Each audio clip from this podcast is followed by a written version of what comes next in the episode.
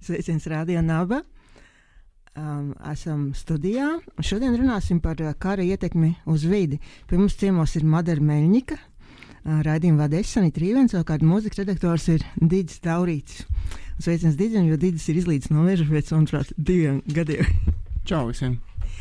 Madara, varbūt tu vari īsumā pastāstīt par sevi, lai mūsu radio klausītāji saprot, kas tu par putnu. Labrīt! Tātad uh, esmu Madara, juriste. Uh, Pagājušajā gadā biju Amerikā, Connecticuts Universitātē ar Fulbright stipendiju un mācījos cilvēktiesības un sociālo taisnīgumu, kā otro maģistra grādu virs sava juristas grāda. Un tur uh, padziļinātu padziļināt pievērsos tieši vidas jautājumiem un Ukrainai. Un vairākos kursos mēs uh, pētījām un analizējām to, kā tad ir uh, šis vides aizsardzības regulējums veidojies Amerikā, kāda ir šī brīža uh, klimata regulējuma sistēma, arī dažādos šķietami nesaistītos jautājumos, un, protams, kādas ir šīs atbildības, uh, atbildības iespējas attiecībā uz kā ar nodarīto kaitējumu. Un manā prātā visas šīs tēmas arī saslēdzās, un līdz ar to visus savus pētījumus es rakstīju tieši par karu Ukrajinā un to, kāda ir kara ietekme uz uh, vidi, uz klimatu. Un kādas būtu iespējas arī uh, saukt vainīgos pie atbildības, vai vispār tādas ir, un kāds ir līdzinājais um, izpētes progress šajos jautājumos. Un arī pēc universitātes beigām man šī tēma ir turpinājusi interesēt, jo tā ir tik aktuāla, ka nelaiž vaļā. Tā nu esmu turpinājusi sadarboties arī ar pētniekiem, kuri um, gan Ukrajinā, gan patiesībā visvairāk ārpus tās joprojām pievērš uzmanību notikušajam un uh, raksta par to rakstus un turpina pētniecību. Un šobrīd arī plānoju uh, doktorantūrā turpināt šo uh, izpēti un raudzīties, kas tad būtu jādara, lai tik tiešām mums būtu lielāka skaidrība par to, kāds ir uh, kara radītais kaitējums videi un uh, kā to varētu mazināt, vai arī kā vismaz varētu um, saukt vainīgos pie atbildības, ja tas vispār ir iespējams līdzinājā vai nākotnes politiskajā situācijā. Madara, ja runājam par kara ietekmi uz vidi, vai tas ir fenomens, kas jau agrāk ir pētīts vai parādījies tikai Ukraiņas kara kontekstā, un, un kāpēc mums vajadzētu par to domāt? Ukraina nenoliedzami ir um, unikāla tajā, cik ļoti daudz uzmanības viņi ir pievērsuši un spējuši pievērst kara ietekmei. Jau no uh, pašām, pašiem pirmsākumiem, patiesībā raugoties jau no 2014. gada, bet nu, it sevišķi jau no 2000. 22. gada Ukraina ir ļoti pievērsusi uzmanību uh, tieši šo datu ievākšanai, datu apkopošanai un arī datu publicēšanai. Piemēram, Ukrainas vidas ministrija ir publicējusi vairākas vadlīnijas par to, kā tieši būtu ievācami dati par vidē radīto kaitējumu, un arī šo datu ievākšanā ir iesaistījuši iedzīvotājs. Tā tad ir izveidota interneta platforma, kurai katrs iedzīvotājs var iesniegt um, ziņojumu par novēroto kaitējumu vidē, kas tālāk tiek izvērtēts. Un uh, šo ziņojumu rezultātā iegūtos datus Ukraina arī uh, nes uz šiem lielajiem pasaules mītiņiem, nes un publicē mēdījos, un nemitīgi norāda uz to, kā karš rada kaitējumu videi, zināmākos un mazāk zināmos faktos. Un, protams, tad, kad notika Kahovkas dāmju uzspridzināšana, tad pasauli pievērsa vēl lielāku uzmanību um, baidoties no tā, kādas varētu būt šīs uzspridzināšanas sekas. Arī tur ir aprēķināta gan uh, ietekme uz vidi, kāda tā ir šobrīd, uh, raugoties jau vairāku mēnešu griezumā, gan arī to, kāda šī ietekme ir finansiāli.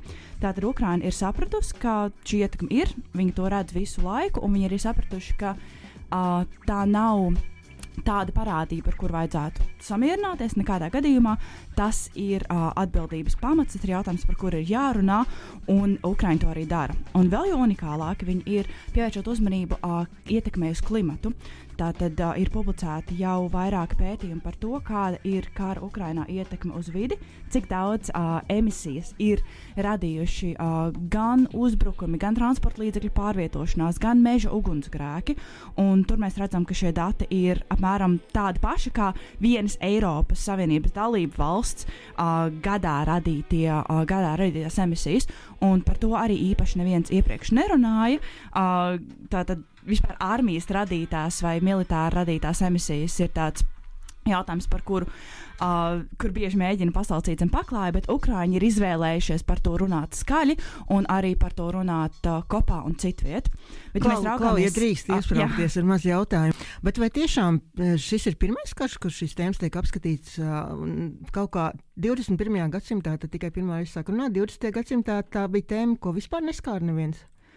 Uh, Tātad Ukrāņi ir tie, kur ir paši pētījuši, bet, ja mēs raugāmies iepriekš, tad uh, citi bija pievērši uzmanību tam, cik briesmīgi ir kara ietekme uz vidi. Ja mēs runājam par tādiem lieliem notikumiem, tad noteikti tā ir Vietnama un herbicīda un Agent Orange, jo tieši šis notikums bija tas, uh, kā rezultātā tika radīts termins. sanāk, lai ieskicētu cilvēkiem? Nu, nu, visi Vietnamas zina, ka karš. Jā, Vietnamas kara Tas sanāk 20. gadsimta Vidus. vidus. Mhm. Jā. Tātad tur tika izmantot šie herbicīdi, radot ārkārtīgu ietekmi ne tikai uz cilvēku veselību, bet arī uz vidi. Pēc būtības pārmainot pilnībā iepriekš. Um, pil, pil, pilnībā pārmainot uh, Vietnamas izskatu, Vietnamas um, um, vidi un, un vidas daudzveidību, un uh, redzot, kāda ir šī ietekme, tika radīts vārds, tika radīts termins ekocīts, secinot, ka šī ietekme ir uh, tikpat brutāla, kāda tā būtu uh, citu kara noziegumu rezultātā. Tad vēl mēs varam raudzīties uz līča karu un uh, tā radītajām naftas noplūdēm, un arī to, kā tika uh, dedzinātas šīs uh, naftas akas. Arī tas ir bijis ļoti labi zināms, un šobrīd pēdējos gados, tagad, kad Ukraina ir aktualizējusi šo jautājumu, tika vērsta uzmanība arī Sīrijā, uh, Sīrijas notikumu ietekmē uz Sīrijas vidi. Un pirms pāris dienām arī tika publicētas pirmās ziņas par to, kāda ir kara ietekme vai arī šīs agresijas ietekme uh, uz Gazas joslu, cik daudz ir radītas emisijas un arī kā ir iznīcinātas. Um, ka kā ir iznīcināta vide tur, tad mēs varam raudzīties arī dziļāk, piemēram, uz uh, mājlopu uh, nespēju saņemt pietiekamu uzturu un, attiecīgi, viņu iešanu bojā un to, kāda ir šī ietekme, un tā tālāk un joprojām. Tātad jau iepriekš tika par to runāts, ekocīts tika piedāvāts arī kā, um, kā noziegums, kur iekļaut Romas statūtus, tas no tā tas no tiem pazuda, tad kādu laiku šķita, ka uzmanība vairs netiek pievērsta tik ļoti, bet Ukraina atkal to ir pacēlusi. Un Ukraiņas kontekstā mēs varam raudzīties uz iepriekš notikušiem konfliktiem, arī patiesībā uz Otro pasaules karu un Pirmo pasaules karu, un uh, novērot to, kāda bija šī ietekme. Uh, un atcerēties, ka šī ietekme var ilgt uh, vairākus simtus gadu, jo arī Francijā joprojām ir šī sarkanā zona, kur mēs redzam, ka. Kas ir, ar- kas ir šī sarkanā zona? Jā, tā ir uh, teritorija, kurā vide augsne joprojām nav attīrīta no visiem uh, kara radītajiem uh, gruvešiem, no visas šīs ķīmiskās ietekmes. Un ir skaidrs, ka šādas teritorijas ir arī daudzās citās pasaules vietās, uh, pasaulē iepriekš notikušo konfliktu kontekstā. Mēs varam iet pirmajā muzikālajā pauzē. Ejam. Nezinu. Esam atpakaļ studijā. Šodien pie mums viesos ir Madara Meņģa, un runājamies par karu ietekmi uz vidi. Ja jūs ieslēdzat savus radio tikai šobrīd, tad varēsiet paklausīties ierakstā par to, kāpēc ir būtiski. Vai to mēs runājam? Nē, to mēs tā kā implicējām, bet mēs varētu izvērst tagad par to, kad vispār sāka pētīt ietekmi uz vidi un kāpēc mēs uh, saistībā ar karu ietekmi uz vidi runājam tieši par Ukrajinu. Bet uh, varbūt mēs tagad varētu tā dziļāk vērst skatu uz to, kāpēc ir svarīgi pētīt karu ietekmi uz vidi, kāpēc šie dati ir būtiski. Vai no tiem ir kāda jēga? jo nu, ir tas vecais teiciens, ka uzvarētājs raksta vēsturi. Un tad es domāju, nu, mēs krājam datus. Vai tā ir tāda vienkārši cerība, ka tas kaut ko ietekmēs, vai arī nu, kā tev šķiet, vai, vai ko liecina vēsture līdz šim, vai tas ir pārāk kaut kas jauns fenomens, un mēs vēl nevaram runāt par vēsturi. Nu, Pirmkārt, datu ievākšana un uzkrāšana ir būtiska, lai spētu acu mirklīgi reaģēt. Jo, protams, brīžos, kuros ir skaidrs, ka tomēr ir iespējams kaut ko glābt, kur ir teiksim, kādas noplūdes vai, um, vai kas tam līdzīgs, kur ir iespējams nosūtīt uh, palīgvienības un, un vai nu attīrīt šīs teritorijas, vai arī, uh, piemēram, nodrošināt iedzīvotājiem tīru dzeramo ūdeni vai kā citādi reaģēt, tam šie dati jau ir atsimirklīgi nozīmīgi. Uh, Otrakārt, ir būtiski saprast, kādas vispār ir šīs um, ietekmes uz dažādu aizsargājamu sugu dzīvniekiem, dažādu aizsargājamu sugu augiem, uh, kādas tās būs ilgtermiņā, varbūt arī iesaistot citas valstis un uh, pievēršot īpašu uzmanību šo sugu aizsardzībai. Bet uh, runājot par kādu veidu atbildības mehānismiem, nu, tā, protams, ir Ukrainas lielā cerība, ka viss, kas, tiek, uh, viss, kas ir noticis, tiek uzskaitīts un uh, tā tiks iekļauts arī šajā atbildības prasībā, um, gan raugoties attiecībā uz šo finansiālo pusi, gan arī uz cita veida pusi. Protams, ir skaidrs, ka viss, kas ir uzskaitīts šobrīd, nav uh, absolūti galīgs. Mums jāraugās arī uz ekosistēmu pakalpojumiem, mums ir jāraugās patiesībā arī uz šo ietekmi uz uh, iedzīvotājiem. Noteikti ir daudz lietas, kuras šobrīd vēl nav pamanītas. Iespējams, ka ir pāris lietas, kuras, uh, kur ietekme būs nedaudz zemāka, piemēram, raugoties uz uh, šo ēku atjaunošanas emisijām. Tā šobrīd tiek aprēķinātas tā it kā tikt atjaunotas iepriekš pastāvošās ēkas, bet nu, ir skaidrs, ka šobrīd tās varētu atjaunot energoefektīvāk un izmantojot labākus resursus. Bet uh, tas viss tiks pēc tam, pēc kara beigām, uh, likts. Uh, tātad vainīgo priekšā un tiks meklēti mehānismi, kā viņu saukt pie atbildības. Mēs raugāmies vēsturiski, tad ir bijusi ANO kompensācijas komisija, uh, un tātad šajā Irākas un Kuveitas konfliktā bija uh, jāmaksā vainīgie pusē un tik ņemt vērā arī ietekme uz vidi. Šajos aprēķinos, protams, beigās, um, beigās samaksātais bija mazāks nekā iespējams praktiskā ietekme.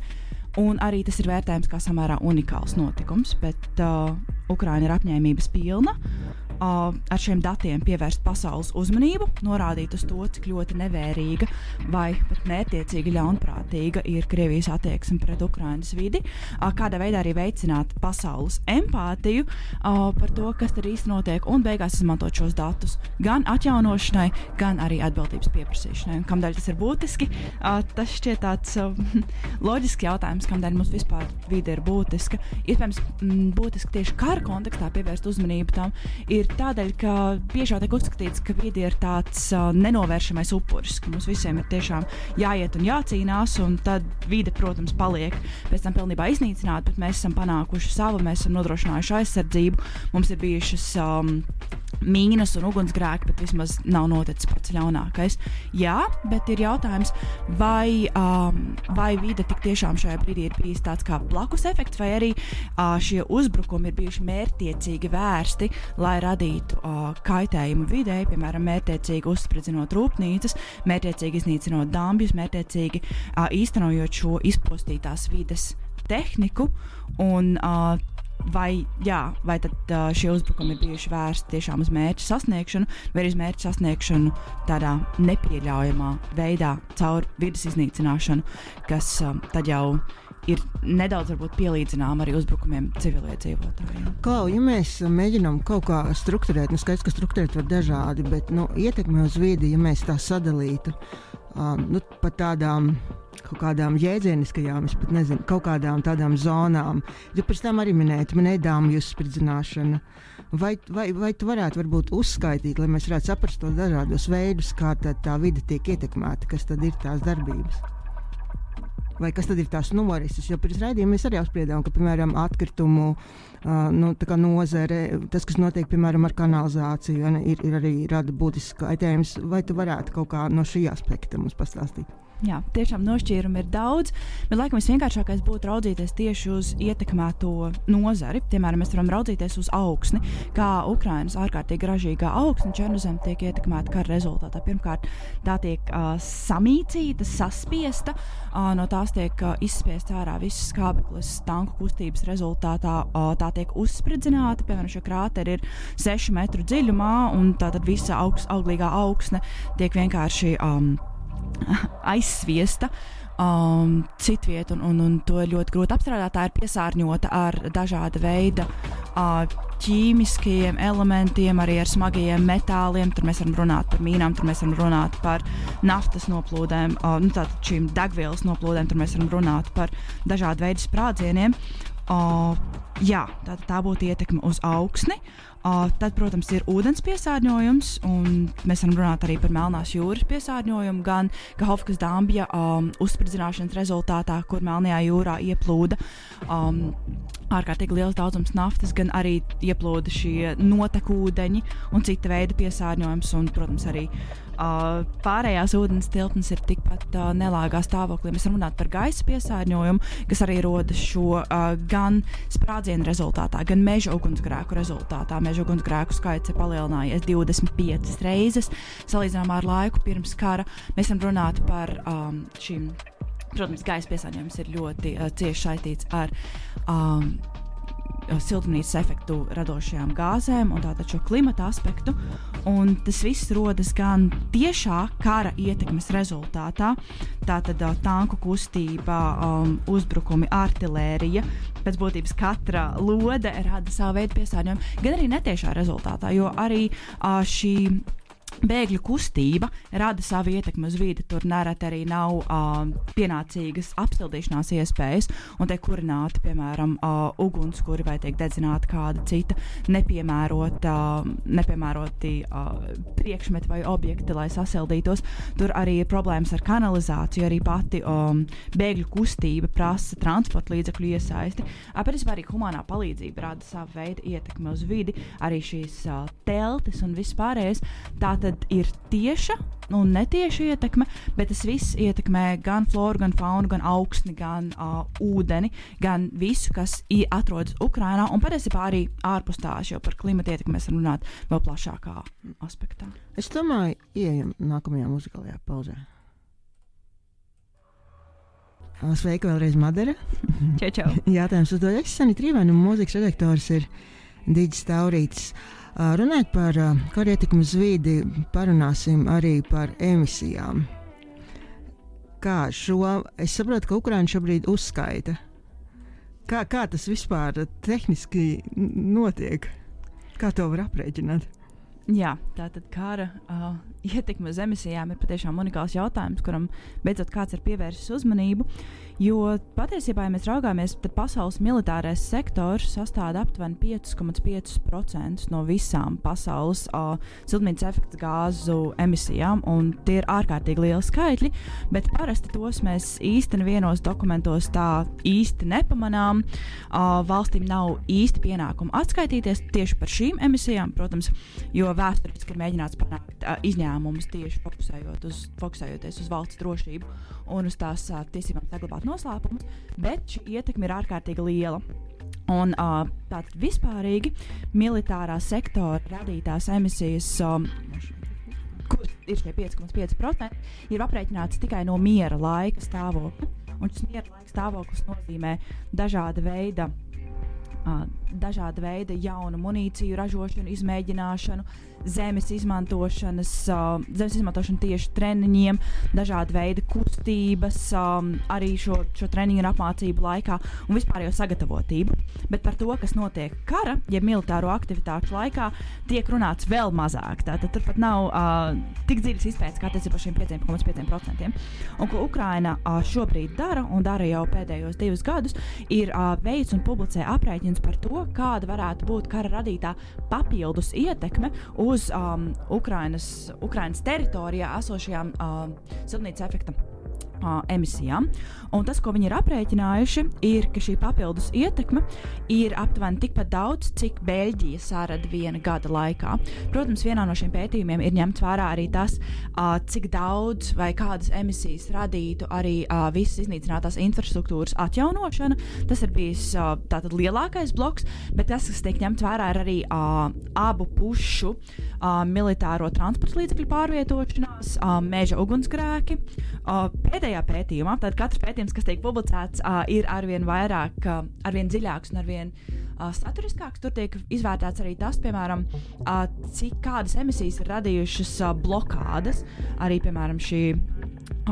Zobe, zobu blokādes izveidošana uz frontes līnijas. Uh, Ko tas nozīmē? Kas ir zobu Tātad, izveidojot šos uh, lielos betona trīsstūra veida blokus, kas tiek uh, salikti, lai, lai, lai, lai netiktu pāri, lai ierobežotu šo kustību. Un ir skaidrs, ka arī joprojām arī šajā pētījumā trūks daudzi faktori. Trūkst izvērtējums par to, kā ir iznīcināti šie ekosistēma pakalpojumi, kas iepriekš varbūt būtu palīdzējuši un mazinājuši emisijas. Trūkst izvērtējumu. Mazliet, mazliet, mazliet iepauzē ekosistēma pakalpojumi, vai tu vari dažs teikums par to, kas tas ir? Uh, jā, tātad tas ir viss, kas pastāv uh, ekosistēmā un uh, jā, kas, kas, kas dara tās lietas, par kurām mēs ikdienā neiedomājamies. Nu, mm, tā, nerot no citas operas, piemēram, ekosistēma pakalpojums būtu tas, ka bites aputeksnē augus. Un brīdī, kad tas sabrūk, pēkšņi mums ir skaidrs, ka ir jāmeklē kaut kādi mākslīgie risinājumi, lai nonāktu pie tā paša rezultāta. Mm, tā tad arī par to, ka augsne pati absorbē ogliskābo gāzi, tikko mums ir iznīcināta uh, pilnībā visa augsne, tad arī šis pakalpojums vairs neeksistē tādā kvalitātē. Mums ir jādomā alternatīvas tam arī par to, kā okeāns ir spējīgs piesaistīt ogliskābo gāzi, tikko kā viss kļūst skābāks, tad arī šīs spējas samazinās, un šis pakalpojums, kurš mums iepriekš ir bijis sniegts uh, bez maksas, un par kuru mēs neesam aizdomājušies, pēkšņi vairs nepastāv tādā līmenī. Uh, jā, tātad atgriežoties, uh, šajos pētījumos arī nav ņemta vērā uh, iespējams pienācīgi.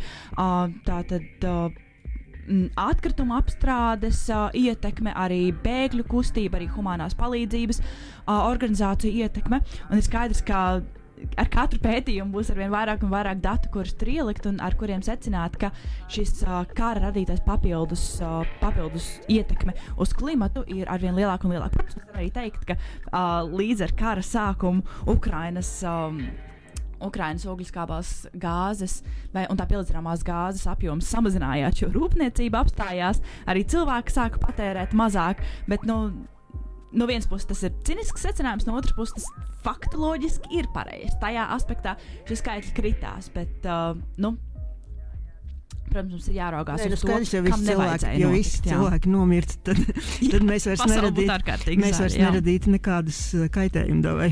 Bet tas, ko vēl ir jāpiemina, ir, ka iepriekš Ukrainā bija samērā neefektīva un um, neefektīva rūpnīcu sistēma tieši šajā aspektā, un viņi bija arī gatavi un plānojuši uh, ļoti strādāt, lai samazinātu savas siltumnīcas efekta gāzu um, emisijas. Bija arī viņiem uh, jau pirmie soļi uh, vēja parkos un šajā atjaunīgās enerģijas sektorā. Un, protams, karš to visu apstādināja un iznīcināja.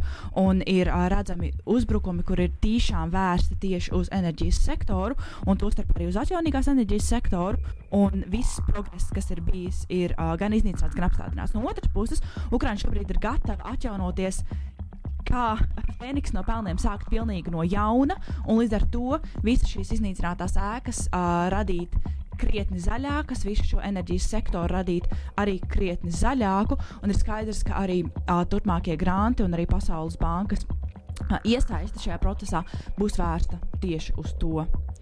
Tātad viņiem būs iespējams arī panākt uh, krietni uh, ātrāku un krietni efektīvāku progresu.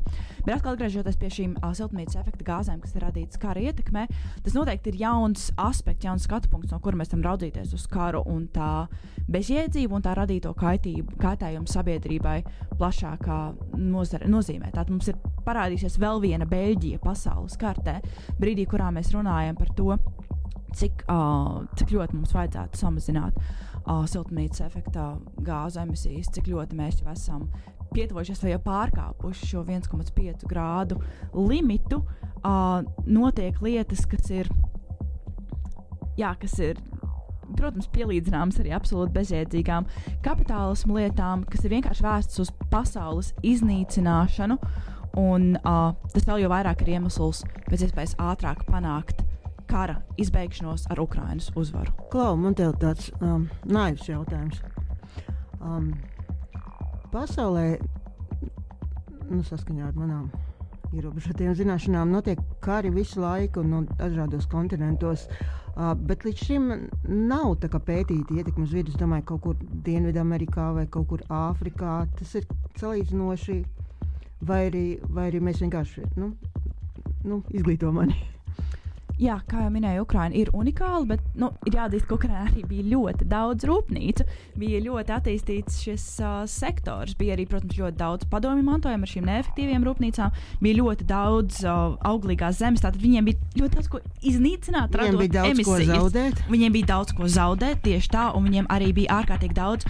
Uh, Principā aizsargājumās vidas viņiem būtu bijis vēl vairāk. Viņi vēl nebija paspējuši uh, visu kategorizēt atbilstoši Eiropas Savienības prasībām. Viņi bija ceļā uz to. Uh, bet tā, tad, tā kā bija jau šīs, uh, gan bija rūpnīcas, kuras. Uh, Aci, kuras attiecīgi iznīcinot, tika radīta ārkārtīgi ietekmes vidi, gan arī bija kategorizēts un secināts, ka ir ārkārtīgi vērtīgas um, um, augu un dzīvnieku sugas, kuras tagad tika iznīcinātas, tad arī ir uh, krietni uh, vieglāk secināt, kāda ir šī kara ietekme uz vidi. Bet arī runājot par uh, siltumnīcas efekta gāzēm, nu, sen nav bijis tik ārkārtīgi fizisks konflikts, kurā mēs redzam tik ārkārtīgi lielu tanku kustību, tik ārkārtīgi lielu. Um, jebkāda veida uzbrukuma kustība, tik ārkārtīgi liels uzbrukums tieši uh, vidēji, arī atcaucoties šo uh, dambja uzspridzināšanu. Tātad mēs atkal atgriežamies uh, pagātnē un draugāmies kaut ko salīdzināmu ar uh, Pirmo un Otro pasaules karu. Un, protams, ar šī brīža tehnoloģijām, ar to, ka mēs varam novērot, uh, uzņemt satelītu uzņēmumus, mēs varam uh, prasīt iedzīvotājiem arī uh, filmēt un fotografēt un iesūtīt visus šos pētījumus tieši saistē. Mēs varam sekot līdzi ārkārtīgi fiziskam karam, ārkārtīgi uh, tehnoloģiskā un vidēji daudzveidīgā teritorijā, un mēs to visu varam piefiksēt ar 21. gadsimta tehnoloģijām. Tātad, Uh, viss ir sakritis tā, lai mēs varētu perfekti sekot līdzi tam, cik ārkārtīgi briesmīga ir kara ietekme uz vidi um, nu, tādā Eiropas valstī, attīstītā, aizsargātā, kurai ir uzbrucis, uzbrucis uh, iebrucējs ar 20. gadsimta metodēm. Mazliet parunājiet par floru un faunu. Uh, tie dati galvenokārt, uh, kā tiek apkopoti, galvenokārt uh, no tā, ko iedzīvotāji ziņo, vai, vai ir vēl kaut kādi citi veidi, kā var iegūt? Nu, Ukrainā ir ļoti spēcīgas vidus organizācijas, un viņi ir pirmie, kas tātad um, veids šos secinājumus, vidus pētnieki. Uh, iedzīvotāji var ziņot par to, par ko viņiem ir nojausma informācija, bet, protams, arī visas šīs vidas organizācijas fokusējas uz informācijas ievākšanu, un uh, pētniekiem ir arī savi rajoni. Ja mēs raugāmies, piemēram, uz delfīniem, tad ir skaidrs, ka uh, delfīns ir ļoti ietekmējusi um, šo zemūdeņu kustību Melnajā jūrā. Viņas ir arī ietekmējusi uh, dažādu veidu dažādu veidu sistēmu izmantošana, un delfīni apjūg, viņi vairs nespēja izmantot savas uh, sensorus un lokācijas spējas, un arī iet bojā. Tātad tur jau mēs redzam, ka pētnieki, kuri ir specializējušies šajos jautājumos, to ļoti aktīvi var novērot. No otras puses, protams, arī iedzīvotāji redz, ka ir izskaloti šie uh, dzīvnieki. Um, Varbūt ir, te, tu zini, kuras sugas šobrīd ir visvairāk apdraudētākās? Vai vairāk ir izdarīts tāds secinājums? Bet par Tur kurām, par kurām dzīvnieku sugām mēs parunājam? Jo Ukraiņa, salīdzinoši Latvija, ir diezgan liela valsts. Piemēram, nu, Latvijā ir tā, nu, ir lapsas, jā, zaķi, daži vilki, reizēm ieklīst kāds lācis no Igaunijas, nu, atpeld kāds delfīns, viens bija redzēts pirms pāris gadiem. Bet tur, es saprotu, Ukraiņā tā, tā dažādība ir daudz plašāka, nu, tīri tā, ka teritorija ir lielāka. Um, ne tikai tas, ka Ukraina ir liela teritorija, viņa ir atrodas tā sauktajā Eiropas zaļajā sirdī, kur ir uh, atzīts ārkārtīgi plaša, uh, plaša dzīvnieku un um, augu sugu daudz, atzīta šī daudzveidība. Un, um, nu jā, viss, protams, arī saistīts ar ārkārtīgi auglīgo augsni, ārkārtīgi vērtīgiem senmežiem, kur arī ir šobrīd iznīcināti tieši meža ugunsgrēku uh, rezultātā. Tādēļ mēs varam runāt par tiešām plašu um, iznīcināto dzīvnieku sugu daudzveidību, sākot no pelikāniem un beidzot jau ar uh, sūnām un ķērpjiem, kuri ir bijuši sastopami tikai specifiskās teritorijās. Jo uh, šķiet, Atbilstoši pēdējiem aprēķiniem, 30% no visām Ukraiņas aizsargātajām teritorijām ir tikušas vai nu iznīcinātas, vai ārkārtīgi būtiski ietekmētas. Un tad, jau, protams, lielais jautājums ir, uh, vai ir iespējams kaut ko no tā glābt, un tad teritorijas, kuras atkal ir um, Ukraiņas. Um, teritorijas, pie kurām Ukraina atkal ir spējīga pieņemt lēmumus un spējīga tajās kaut ko darīt, tad tur tiek uh, veiktas aizsarga, aizsardzības darbības. Bet, nu, protams, teritorijas, kur joprojām atrodas Krievijas okupācijā, tur nav zināms, kas vispār notiks. Un, ja mēs runājam par Krimas pussalu, tad uh, tur arī iepriekš ir bijušas raktuves, no kurām tika izskalots ārkārtīgi liels daudzums sāļu un uh, elementu, kas arī ir iespējams radījuši neatgriezenisku kaitējumu. Tur pētījumi būs iespējami tikai tikai pēc tam. Ejam nākamajā muzikālajā pauzē. Kā studijā šodien mēs runājam par kara ietekmi uz vidi. Ciemos mums ir Madara Meļņika. Es domāju, ar ko sākt. Vai sākt ar to taisnīgumu, vai, vai sākt ar to, kā atvesaļot pēc tam teritoriju? Ko, ko, kuru kārti tu izvilksi? Patiesībā jau abiem vajadzētu notikt reizē. Ir skaidrs, ka pēc kara beigām būs nepieciešams ļoti daudz veseļošanās, un tais, taisnīgums un tiesiskums arī ir daļa no šī veseļošanās mehānisma. Ir skaidrs, ka pēc Ukrainas uzvaras karā um, Un, un jau šobrīd ir um, veikti aprēķini un secinājumi par to, cik daudz resursu būs nepieciešami, lai atjaunotos, un cik daudz resursu arī uh, gan Pasaules banka, gan arī citas institūcijas sniegs šai um, atjaunošanās, taču atjaunošanās būtu vērsta tieši uz zaļāku, vidēji draudzīgāku Ukrainu. Bet nu, te nu ir daudz jautājumu, jo, piemēram, daudzi Ukraiņas vidus pētnieki ir uh, iebilduši pret Kahovkas dāmbju atjaunošanu un hidroelektrostacijas uh, uzbūvi šajā teritorijā, jo viņi norāda, ka uh, tā ir vidēji ārkārtīgi būtiska teritorija, un tur jau šobrīd daba grib ņemt savu. Uh, tur jau šobrīd ir uh, uzaugušas un, un aktīvi aug koku uh, jaunaudzes, un uh, tur vajadzētu atgriezt šo uh, vidi un teritoriju tādā veidolā, kādā tā bija pirms dāmas tika uzcelta.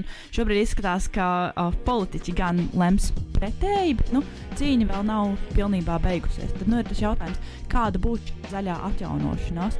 Un, uh, vai šī zaļā atjaunošanās tiešām būs pašu ukrāņu rokās, vai arī tur būs kādi citi spēlētāji, kuri to izmantos sava labuma gūšanai. Uh, muzikālajā pauzē, kas parasti ir interesantākā raidījuma daļa, un nu, jums nav tā iespēja radio klausītāji to dzirdēt, bet muzikālajā pauzē tu, tu minēji arī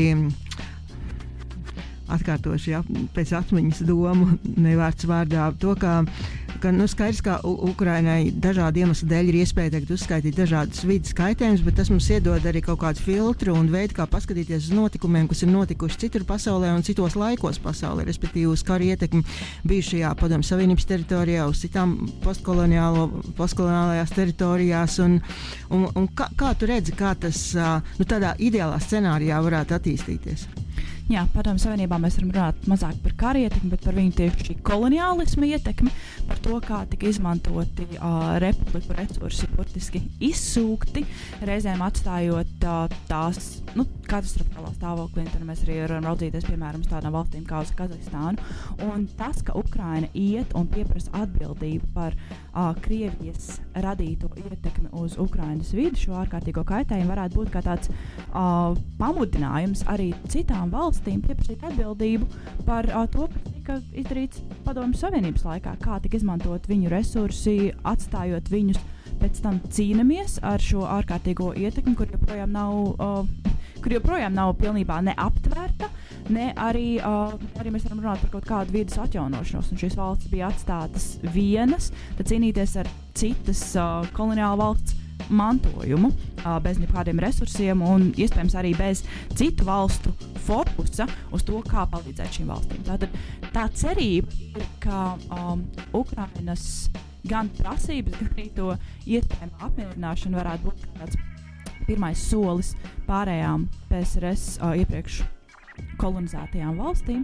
Uh, un, protams, arī mēs varam runāt par citām valstīm. Mēs varam arī raudzīties uz to, uh, kāda bija pēc tam uh, nu, arī citu karu ietekme uz konkrētajām teritorijām. Un tur mēs runāt ne tikai par ietekmi uz vidi tādā šaurākā perspektīvā, bet arī ar ietekmi uz iedzīvotājiem. Piemēram, cik ļoti pēc konflikta teritorijās daudz cilvēki gāja bojā priekšlaicīgi uh, tieši šī gaisa piesārņojuma dēļ. Un, protams, mēs varam teikt, ka pēc kāda laika jau kara radītie putekļi nosēžas, bet patiesībā jau viss mainās. Mainās arī visa šī iedzīvotāju attieksme, izpratne.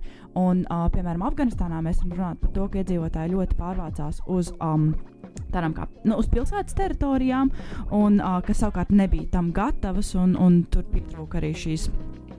Šo ekosistēmu pakalpojumu un arī uh, pietiekami svaiga gaisa, pietiekami tīra gaisa, lai iedzīvotājiem būtu uh, iespēja saglabāt savu veselību. Un vēl runājot par šo atjaunošanos, jā, tā tad prasības un uh, dati par kaitējumu videi uh, iespējams un cerams ļautu pārnest šos jautājumus arī tā tēmā pārējas taisnīgums un pārējas tiesiskums. Jo parasti uh, šies, šie risinājumi, kas tiek piemēroti pēc konflikta situācijās, fokusējas uz taisnīgumu un tiesiskumu tieši tādos ļoti šķietami cilvēciskos jautājumos, kas būtu uh, saukšana pie atbildības par uh, spīdzināšanām, par nāvēm, par kaut ko, ko cilvēki ir redzējuši un izjutuši tieši uz savas ādas. Bet uh, daudzām kultūrām, patiesībā visām pasaules kultūrām, vide uh, ir ārkārtīgi tuva un būtiska. Bet, nu, ja mēs raugāmies uz Ukrajinu un tās uh, tautas dziesmām, uz viņu identitāti, ir jautājums, kā pieņemt šo vidas zaudējumu un uh, kā risināt šo zaudējumu sajūtu un kas būtu tie labākie mehānismi, lai to cīnītos. Kā ir atgriezties teritorijā, kur tu vairs neatpazīsti, kur vairs nav tavu persika koku, kur tava augsne ir iznīcināta, kur iespējams tu to vairs nevari atjaunot tā, kā tu to atceries no savas bērnības vai no savu vecāku stāstiem, un vai vispār ir kādi mehānismi. Skaidrs, ka nekas nespēs atgriezt zaudēto, bet tieši šie pārējais sasnieguma mehānismi mēģina sniegt iedzīvotājiem un cietušajiem vismaz kaut kāda veida sajūtu, ka viņi ir pamanīti, ka ir bijis kaut kāds taisnīgums, ka viņu stāsti ir sadzirdēti, ka kāds ir pateicis, jā, tas nav labi, tas nav taisnīgi, es saprotu tavu sāpi, mēģināsim vismaz kaut mazliet to risināt. Un, jā, tā tad ir cerība, ka arī šis vidas zaudējums tiks pārnest šajā līmenī ne tikai naudas perspektīvā, bet arī emociju, cilvēku sāpju un identitātes līmenī. Atbalstīsim Irāku. Kā, kā tu domā? Labi. Klā, mums ir atlikušas vēl 5 minūtes, apmēram nu, 5-7 minūtes raidījumā.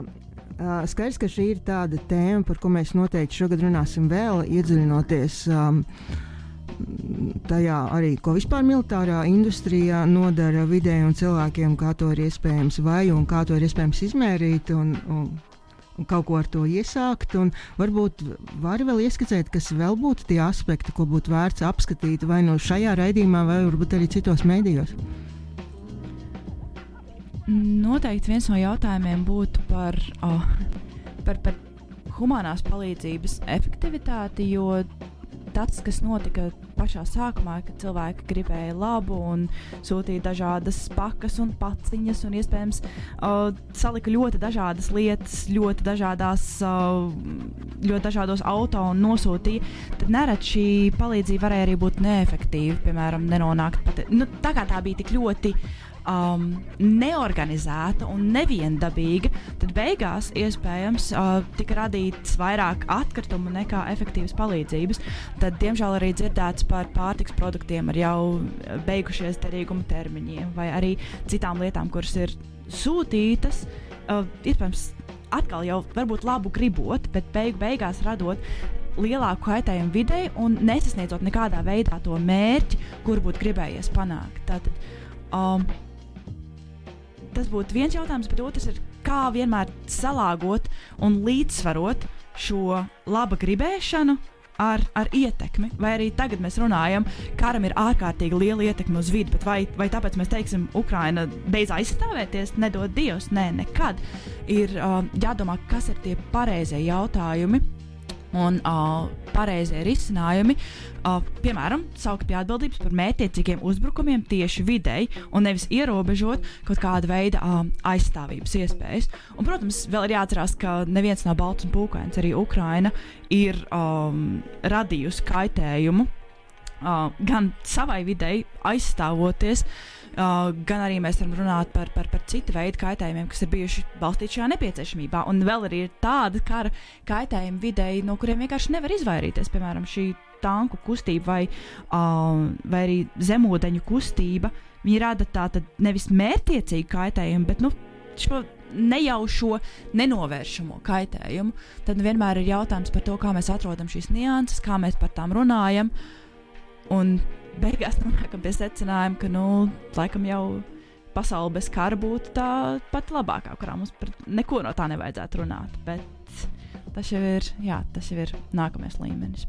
Un vēl, protams, kā jau bija minēts, ir svarīgi pamanīt visus. Un tad nu ir jautājums, vai Ukraina ļaus mums būt tā, kas uh, pievērš uzmanību visā pasaulē notiekošajam, nepieņemamajam un tam, cik ļoti lielu kaitējumu videi nodara visa veida militārie uzbrukumi un patiesībā arī daudzas citas ļoti nevajadzīgas darbības. Es domāju, uz šīs nots mēs varētu arī šo sarunu beigt. Pie mums ciemos bija Madara Meļņika. Klausieties sarunu atkārtojumā, ja tikai tagad ieslēdzāt savus radioaparātus. Mūsu reiz dzirdēt LSM arhīvā. Varat arī pameklēt uh, dažādas podkāstu vietnēs, vai nu Spotify vai Apple. Un uh, uz tikšanos pēc divām nedēļām Mūzikas redaktors bija Dits Taurītis, jautājums uzdeva Sanita Rībena. Paldies, Madara, ka tu atnāci ciemos. Nu, paldies ko? par iespēju par šo runāt. Noteikti, noteikti šogad runāsim vēl.